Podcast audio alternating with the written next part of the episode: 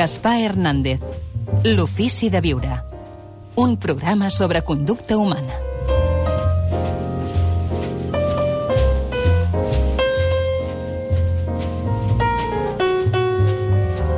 Per Àlex Rovira, bona nit, Àlex. Molt bona nit, Gaspar. Jo no sé si mai has practicat un esport del rendiment, eh? Tu Jo vaig practicar arts marcials Exacte. i Sí, vaig, sí. eh, no sé si era el rendiment, però suava moltíssim. Sí. I en rebia, i m'agradava el karate. El karate m'agradava molt, i l'aikido també. I natació sobretot. també l'has practicat. Natació sí, veus? Sí. I ara, ara sí que, no sé si és amb el rendiment, però que mm, si puc, m'hi poso i m'hi poso una horeta o més. Que bé. Doncs escolta'm, Àlex, tu quins creus que serien els principis que podríem aplicar de l'alt rendiment a la nostra vida quotidiana des del teu punt de vista subjectiu un cop hem escoltat tot el que hem escoltat? És que, clar, després del que ha dit en Pep, és molt difícil afegir res, perquè aquest senyor, a part de parlar molt bé, eh, té el cap... Sap del que parla té el i parla cap molt bé. I el cor molt ben endreçat, i és un luxe escoltar-lo. A veure, em, em, em, venien al cap dues coses que probablement estan correlacionades amb el que ha dit en Pep, però mm, intentarem anar al, al, a l'essència, no? Per què hi ha persones que tenen gran alt rendiment en la seva activitat professional o perquè són persones molt resolutives i molt eficients? Dos variables, la passió i l'interès. La passió depèn del cor, l'interès depèn de la ment. Um, normalment som bons amb allò que ens entusiasma, que ens enamora, que ens apassiona, que ens agrada. Passió és principi del plaer. Aquí estaria l'amic Freud, no? És a dir, el que ens belluga, deia Freud, és el principi del plaer, que en molts casos és cert. Però després ve l'amic Frankel, el gran mestre, i Frankel diu, no, no, el que ens belluga als humans no és el principi de, del plaer, sinó la voluntat de trobar un sentit a la vida, no? de, de, de què ens belluga més enllà del plaer, de què, què ens interessa, què ens transcendeix, per què vivim, per què no acabem amb la nostra vida portat al límit, no? Aleshores, és molt interessant, tu veus un Ferran Adrià, no? altíssim rendiment, no?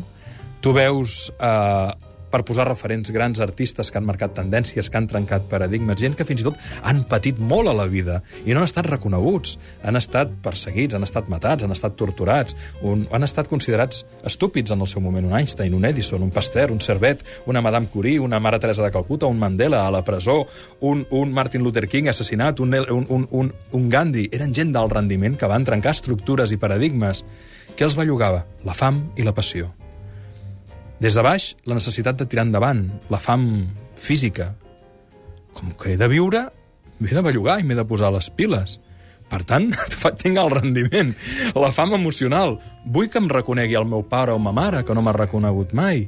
Vull que em reconegui aquella persona que estimo, de la qual estic enamorat i no em sento correspost. La fam espiritual, deixar un llegat en aquesta vida a la gent a la que estimo, ja que jo vaig tenir aquesta mancança, que els meus fills o les persones que es queden no passin per això. Per tant, l'alt rendiment depèn molt de la gana, de la passió i d'allò que ens interessa. Eh, Aquest comentari l'he fet moltes vegades, Gaspar, però diuen de vegades la gent que té alt rendiment és gent que té molta memòria, molta capacitat, i em diuen jo no tinc memòria. I sempre dic el mateix, deixa'm 20.000 euros, ja veuràs com te'n recordes de mi tota la vida, no? Perquè l'interès està en funció perdó, la memòria, la percepció selectiva, l'eficàcia està en funció de l'interès. Si no saps què t'interessa, si no saps què t'apassiona, difícilment tindràs el rendiment, aniràs fent. I és abans l'interès per això la passió. Mira, són, crec que són... fan trena.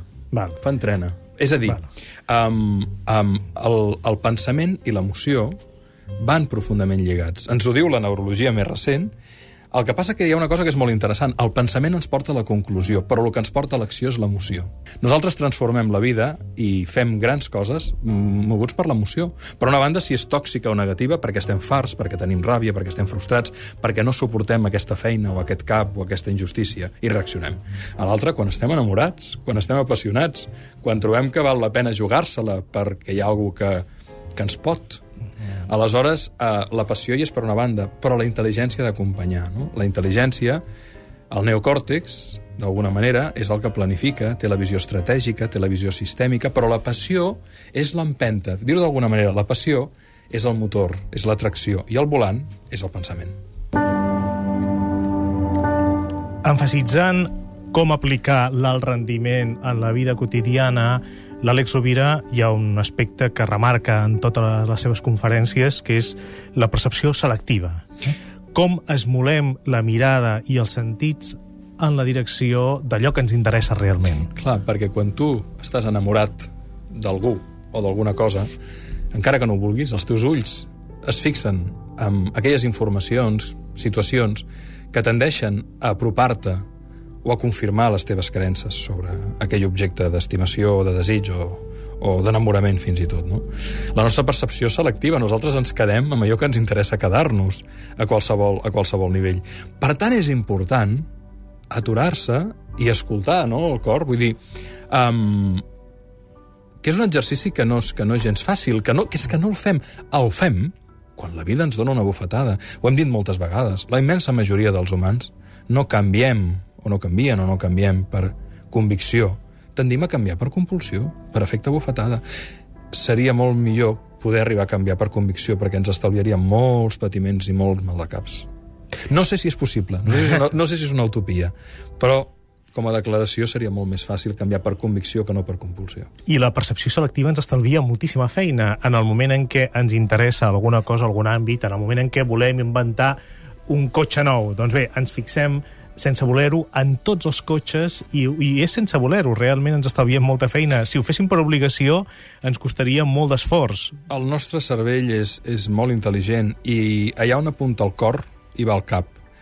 I, per tant, allò que estimem, allò que creiem, allò que el nostre cor, les nostres emocions d'alguna manera subratllen, el nostre cap ens ho porta a la ment i ens ho, ens ho fa veure, no? Per això és tan important escoltar el cor.